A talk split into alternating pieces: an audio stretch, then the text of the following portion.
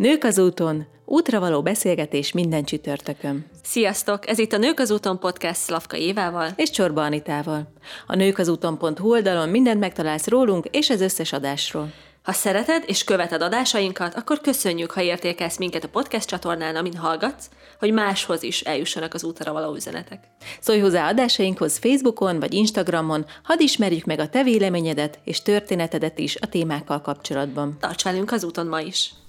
Megdöbbentő adat, hogy, hogy az emberek 80%-a nem szereti a munkáját. És hát ahhoz, hogy abba a szuper 20%-ba tartozzunk, ahhoz nem mert proaktívnak lenni, és egyrészt megismerni önmagunkat, másrészt pedig olyan, olyan álláskeresési tippeket, trükköket, módszereket, megoldásokat, eszközöket bevetni, amitől megtaláljuk azt a munkát, ami, ami, ami ránk szabott, vagy amit igazán szeretni tudunk. És hiába ezt igényelné a mai munkaerőpiac, mégis a nők kevésbé mernek kezdeményezni és lépni. Itt van velünk ismét álláskeresési tanácsadó szakemberünk, Boni Ágnes. Szeretettel köszöntünk. Sziasztok, üdvözlöm megint a hallgatókat. Szia Ági, 80 százalék az rohadt sok már, bocsánat. Tehát, hogy így tegyünk valamit azért, hogy többen szeressék azt, amit csinálnak. Mit tehetünk? Igen, és ebben az a legrosszabb, hogy nem csak az, hogy nem szeretik a munkájukat, hanem nincs is, nem ismernek lépni. Nem, nincs bennük affinitás, hogy akkor másikat keresnek, mert inkább akár mondjuk a nőknél mondjuk nagy húzóerő, hogy benne maradjanak egy olyan munkában, amit nem szeretnek, ugye a gyerekeknek a felnevelése. Úristen, ez olyan, mint amikor egy párkapcsolatról hall az ember, hogy, hogy azért nem szakít vagy válik el, mert hogy a gyerek, és ez nem, igen, hogy látszik ez, ez, a munkában ez is? lehet, igen, a, ugyanígy a munkaerőpiacon is inkább ott marad abban a, azon a munkahelyen, csak hogy a gyerekeit később fel tudja nevelni pedig azt gondolnánk, hogy ezzel jót tesz a gyereknek, de kutatások képzétek el kimutatták, hogy a gyerekek sokkal jobban szeretnek olyan szülők mellett felnőni, akik élvezik, amit csinálnak, még akkor is, ha sokat túlóráznak, mint olyan szülők mellett, akik minden nap ugyanabban az időben térnek haza, de mégis mindig nyűgösek, fáradtak, és érződik, érződik rajtuk, és lerí róluk, hogy nagyon nem szeretik a munkájukat. És sajnos a munka szeretetét azt otthonról is hozzuk. Tehát, hogy az, hogyha a szülők szeretik a munkájukat, élvezik, amit csinálnak, akkor egy olyan adag muníciót adnak a gyereknek, ami már a későbbiekben sokkal versenyképesebb lehet, mert, mert nyitottabb lesz azokra a lehetőségekre, meg mer majd lépni, ami ténylegesen hozzápasszol és szereti, amit csinál. Tehát ez is egy fontos minta, igen, ami, ami, igen. amit átadhatunk. Nagy részt igen, igen, az a szülőktől hozzuk. És mit gondolsz, hogy miért ezen kívül miért mernek még kevésbé lépni a nők? Ezt hordozzuk a, a személyiségünkkel, vagy hogy nagyon régóta főleg ugye patriarchális társadalmak vannak, és, és inkább férfiak kerülnek ugye vezetői pozícióban is, illetve a férfiaktól várjuk el azt, hogy majd ők karriert építenek, míg a nők a családot, családalapításon dolgoznak, tehát hogy honnan eredhet ez, hogy nőként kevésbé merjük felvállalni magunkat, illetve hát belelépni egy tök új módszerbe, hogyha, hogyha az álláskeresésről van szó. Ez is benne van, amit mondasz, mert ezek a régi berögződések azért még mindig élnek. Tehát ez a klasszikus apa dolgozik, anya a családot neveli modell, ez azért még benne van még így a légkörbe. És azért azt is be kell vallani, hogy a nőknek egy picit a karrierépítés nehezebb, mint a férfiaknak, mert uh-huh. nekik a gyermekvállalás megszakítja. És nem csak maga a gyermekvállalás után kerülnek, mondjuk konkrétan, amikor szeretnének gyes, gyed után visszatérni a munkaerőpiacra, nem, nem csak akkor kerülnek hátrányba, hanem már sokszor egy, egy 30-as évei közelében járó nő is, mert már ugye tudják a munkáltatók, hogy valószínű, hogy hamarosan babázni fog, családot fog, és ne, a munkáltatók általában olyan embereket keresnek, akik hosszú távon ott maradnak a cégnél, és hosszú távon szolgálják a cég érdekeit. Igen, ez is egy ilyen régi szemlélet, mert én például pont egy 30-as még gyerekvállalás előtt álló ö, nő vagyok, aki egyébként hát ugye egyéni vállalkozó, és ö, és azokkal beszélgetve, akik már gyereket vállaltak, és esetleg utána vállalkozók lettek, vagy visszamentek egy másik céghez, azokat a készségeket, képességeket borzasztó jól tudják használni, amit, amit mondjuk kifejlesztettek a gyerekvállalásnál. Van, és ugye nagyon sok pozícióban megoldható ám az is, hogy otthonról dolgozom valaki, vagy egy rugalmas munkavégzés, tehát nem biztos, hogy ő úgy fog eredményeket letenni az asztalra, hogy ő ott ül 8-tól 5 óráig a munkahelyén, hanem, hanem igenis vannak rá nagyon jó példák, hogy, hogy nagyon jól lehet használni az anyukákat részmunkaidőben, vagy akár otthonról bedolgozva, mert, mert egy jó adag motiváció van mögöttük, illetve egy jó adag szervezési készség, már egy fejlettebb szervezési készség, de Ági, mesélj picit erről te. Igen, azért az kimutatható, hogy sokszor a kismamák, amikor a gyerekkel otthon vannak, olyan képességekre is szertesznek, ami konkrétan a munkavilágában is kamatoztatható. Ilyen a kreatív probléma megoldása, multitasking, hatékony időmenedzsment, sokkal érzékenyebbek lesznek az emberekre, a vezetői képességeik is finomodnak, sokkal jobban rezonálnak majd később, vagy esetleg egy problémás ügyféllel, vagy mondjuk munkatársal van dolguk, és ezek mind ténylegesen mind olyan, ö, olyan képességek, ami, amit a gyerek, gyermekvállalás mellett fel lehet szedni. Mondjuk ez nem azt jelenti, hogy előtte ne lehetne, de ez tényleg pont ehhez köthető, és érdemes ezt mindig szoktam javasolni, hogy amikor állásinterjúra is megyünk, meg állást keresünk, akkor érdemes inkább a szakmai oldalunkat kiemelni, és azokat a képességeket hangsúlyozni, szakmai képességeket, ami, amikre ténylegesen a munkáltató kíváncsi, meg amire szükség, szüksége van az adott cégben, és a családot egy picit háttérbe szorítani. Tehát tényleg mindenki büszke a családjára, mindenki büszke a gyerekeire, ez természetes, de mégis azért a munkáltató nem arra kíváncsi, hogy, hogy most a családi élete, magánélete milyen, hanem az, hogy, hogy ténylegesen mit tud a cég érdekében tenni az adott jelölt. Munkáltatóként sokszor azt tapasztaltam, hogy nagyon sablonosak azok a képességek, amiket kiemelnek magukból az emberek. Ezt hogyan lehet elkerülni? Tehát jön, nyilván jönnek az, jó, hogy jó egyéni, já, nagyon jó egyéni játékos, de jó csapatjátékos Igen, is vagyok, egyszerre. proaktív vagyok, nem tudom, Kreatív probléma megoldó vagyok, és akkor így felsorolják az öt leggyakoribb, leggyakoribb, legkedveltebb tulajdonságot. Ezt hogyan lehet elkerülni egy interjúnál? Ha fel is sorolják egyébként ezeket a képességeket, már nagyon jól ki tudnak tűnni a tömegből, hogyha alátámasztják példával, hogy hol használták uh-huh. ezt a képességet, és mondjuk mi lett annak az eredménye. Tehát, hogyha mondjuk egy problémás ügyfél, hogy nagyon jól tud a különböző típusú személyiségekkel együtt működni, meg együtt dolgozni, akkor ki lehet emelni, hogy mondjuk volt egy problémásabb munkatárs, vagy egy problémásabb ügyfél, és hogy milyen jól egy húron pendültek. Tehát, hogy megtalálja vele a közös hangot, és ennek mondjuk akár egy, egy, új, egy újabb megkötött szerződés lett a, az eredménye, vagy akár mondjuk egy elégedettebb munkatárs, aki szívesebben dolgozott bent, maradt bent vele segíteni, vagy neki segíteni, maradt bent túlórázni, tehát ezek mind olyan kis, mindig a példákra. Szerintem azok teszik egyedivé egyébként a mhm. jelentkezőt. De tényleg a konkrétumokat igen, említsék igen. mellette.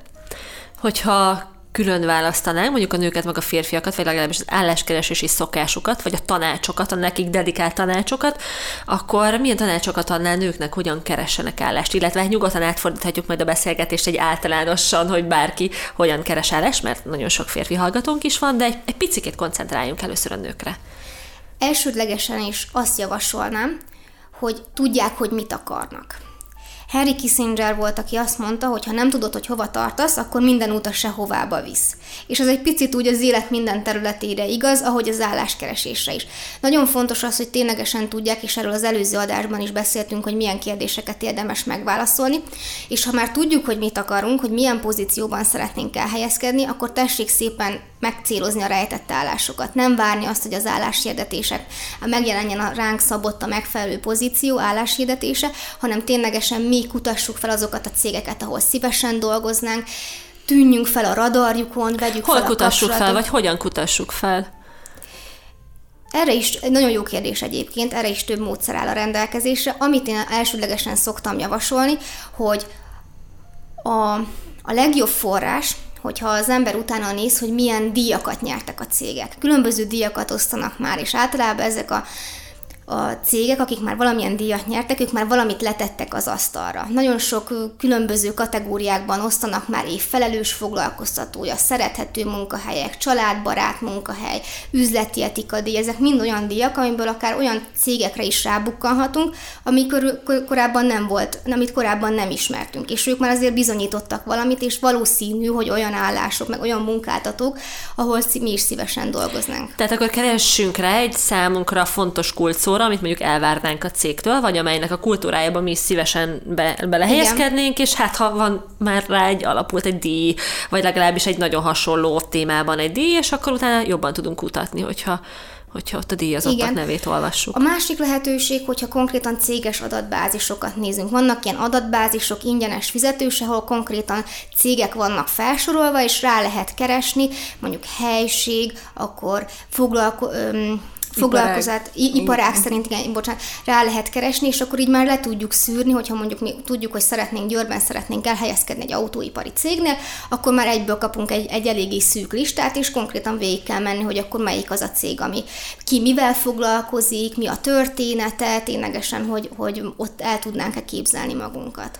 Közösségi oldalakat hogyan használhatjuk ennek a célnak az érdekében? A közösségi oldalak szerintem nagyon jók arra, hogyha már tudjuk, hogy milyen cégről van szó, akkor hogy lenyomozzuk. A közösségi oldalak arra jók, hogy ténylegesen betekintést nyerjünk a cégnek a mindennapjaiba, megismerjük a filozófiáját, ténylegesen a bekerüljünk egy picit, vagy belelássunk a vérkeringésébe, és azért ez nagyon sokat elárul, mert ha valaki mondjuk egy, egy merevebb egy merevebb struktúrával rendelkező cégnél nem igazán szeretne dolgozni, akkor, akkor ez sokat elárul neki, hogy mondjuk a, munká, a munkavállalók milyen ruhában vannak hétköznapo, a hétköznapokon, milyen, milyen ünnepségek, milyen csapatépítők vannak, vagy akár hogyan kommunikál mondjuk már az is, a, hogy, hogy hogyan kommunikál maga a cég is. Mert az is, hogy tegeződő, magázódó hangnemben, az is sokat elárul. Igen, hát meg a vezető általában ugye, aki kialakítja az egész hangulatot, környezetet, úgyhogy a vezető is nagyon maga a személy és sokat elárul, igen, hogy igen. hogyan öltözik, hogyan kommunikál.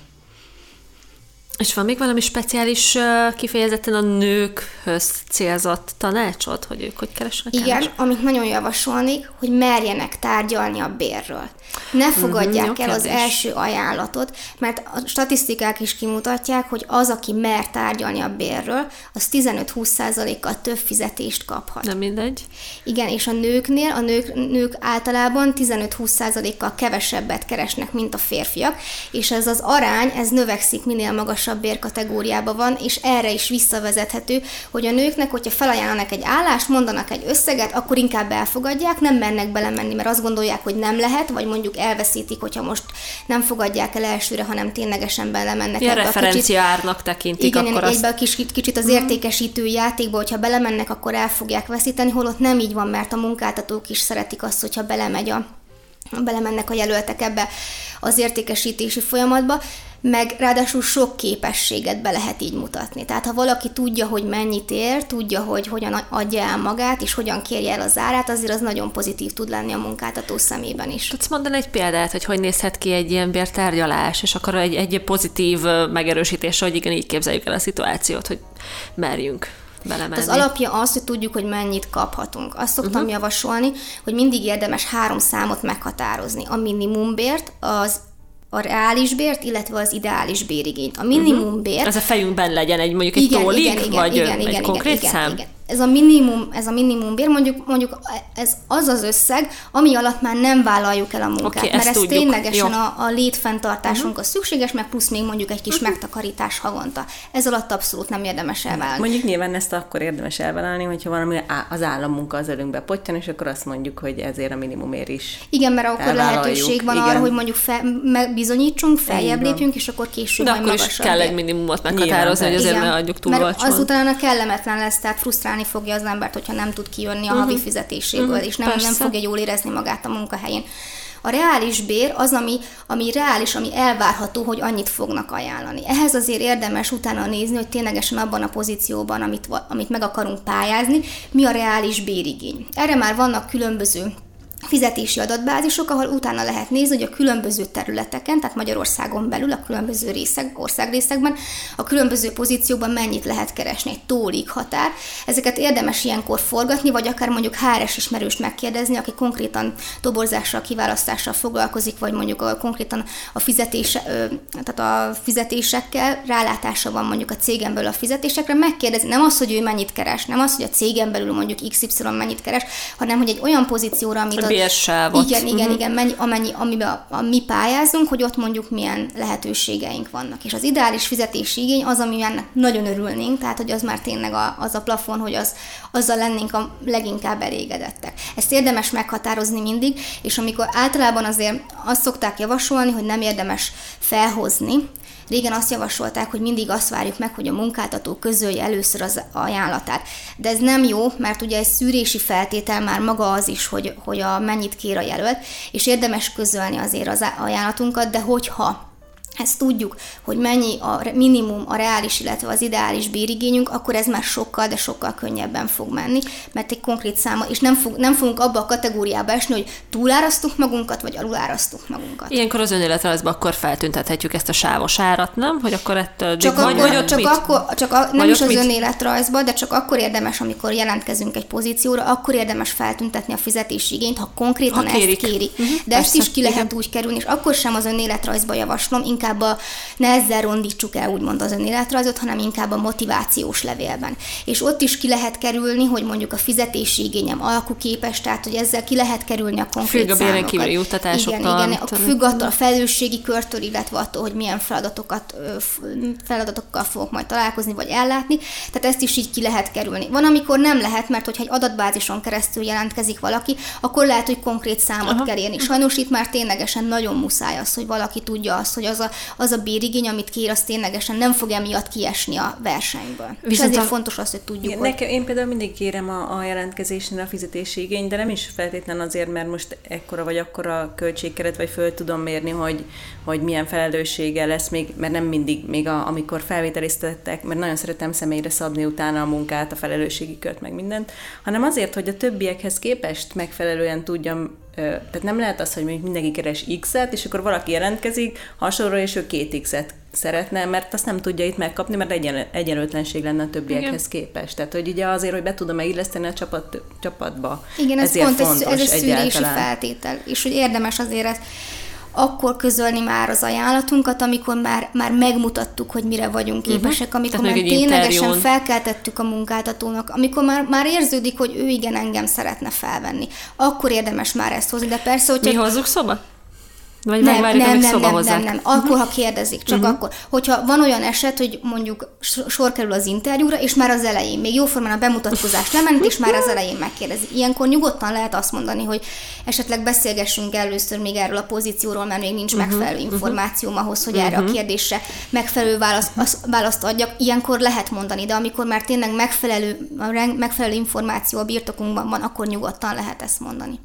Nézzük még néhány ilyen tanácsot, hogy keresünk nőként állást. Ha meg a végén nem kérdezik meg, akkor lehet gyanítani, hogy nem voltunk megfelelőek a pozícióra. Azt általában egyébként meg szokták kérdezni, tehát hogy ez is egy, egy... De igen, hogyha mondjuk ez sem biztos, hogy így van, mert ugye van, hogy több körös interjúk vannak, és hogyha az első interjú nem kérdezik meg, akkor az nem azt jelenti, hogy mondjuk kiesett a jelölt a versenyből, lehet majd a későbbiekben fogják ezt meg, de ez a ritkább eset. Tehát általában az első interjú, vagy már a telefonos interjún szó, szóra szóba szokták hozni Aha. ezt a témát. A hozzád forduló uh, tanácsot kérő álláskeresőknél mi szokhat lenni egy-egy ilyen kardinális pont, amit meg, vagy úgy érzed, hogy nagyon sokaknak szükségük van fejlődésre azon a területen, legyen szó bármiről, akár itt most erről, hogy, hogy igen, azt látod, hogy kevésbé mernek tárgyalni a bérigényekről, de hogy fontos, de hogy mik vannak még, amivel kicsit segíthetjük. Az önéletrajzból hogyan mutathatják meg magukat jól? Önéletrajzot mindig pozícióra szabjuk. Nincs olyan, hogy általános önéle, önéletrajz, hogy felírjuk az összes képességünket, az összes szakmai tapasztalatunkat, és akkor elküldjük a, a munkáltatónak, és majd a munkáltató mazsolázgat róla, mint egy büféasztalról, hogy igen, neki ez van, ez is van, ezt is csinálta, akkor nekem jó lesz. Nem mind szabni, és hogyha különböző pozíciókat pályázunk meg, azért általában nem érdemes egyszerre annyira sok pozícióra pályázni, mert értelmetlen, tehát tarthatatlan, nem is lehet azt úgy kordában tartani mert nem is tud egy ember 5-6 pozícióban akár helytállni, én úgy gondolom.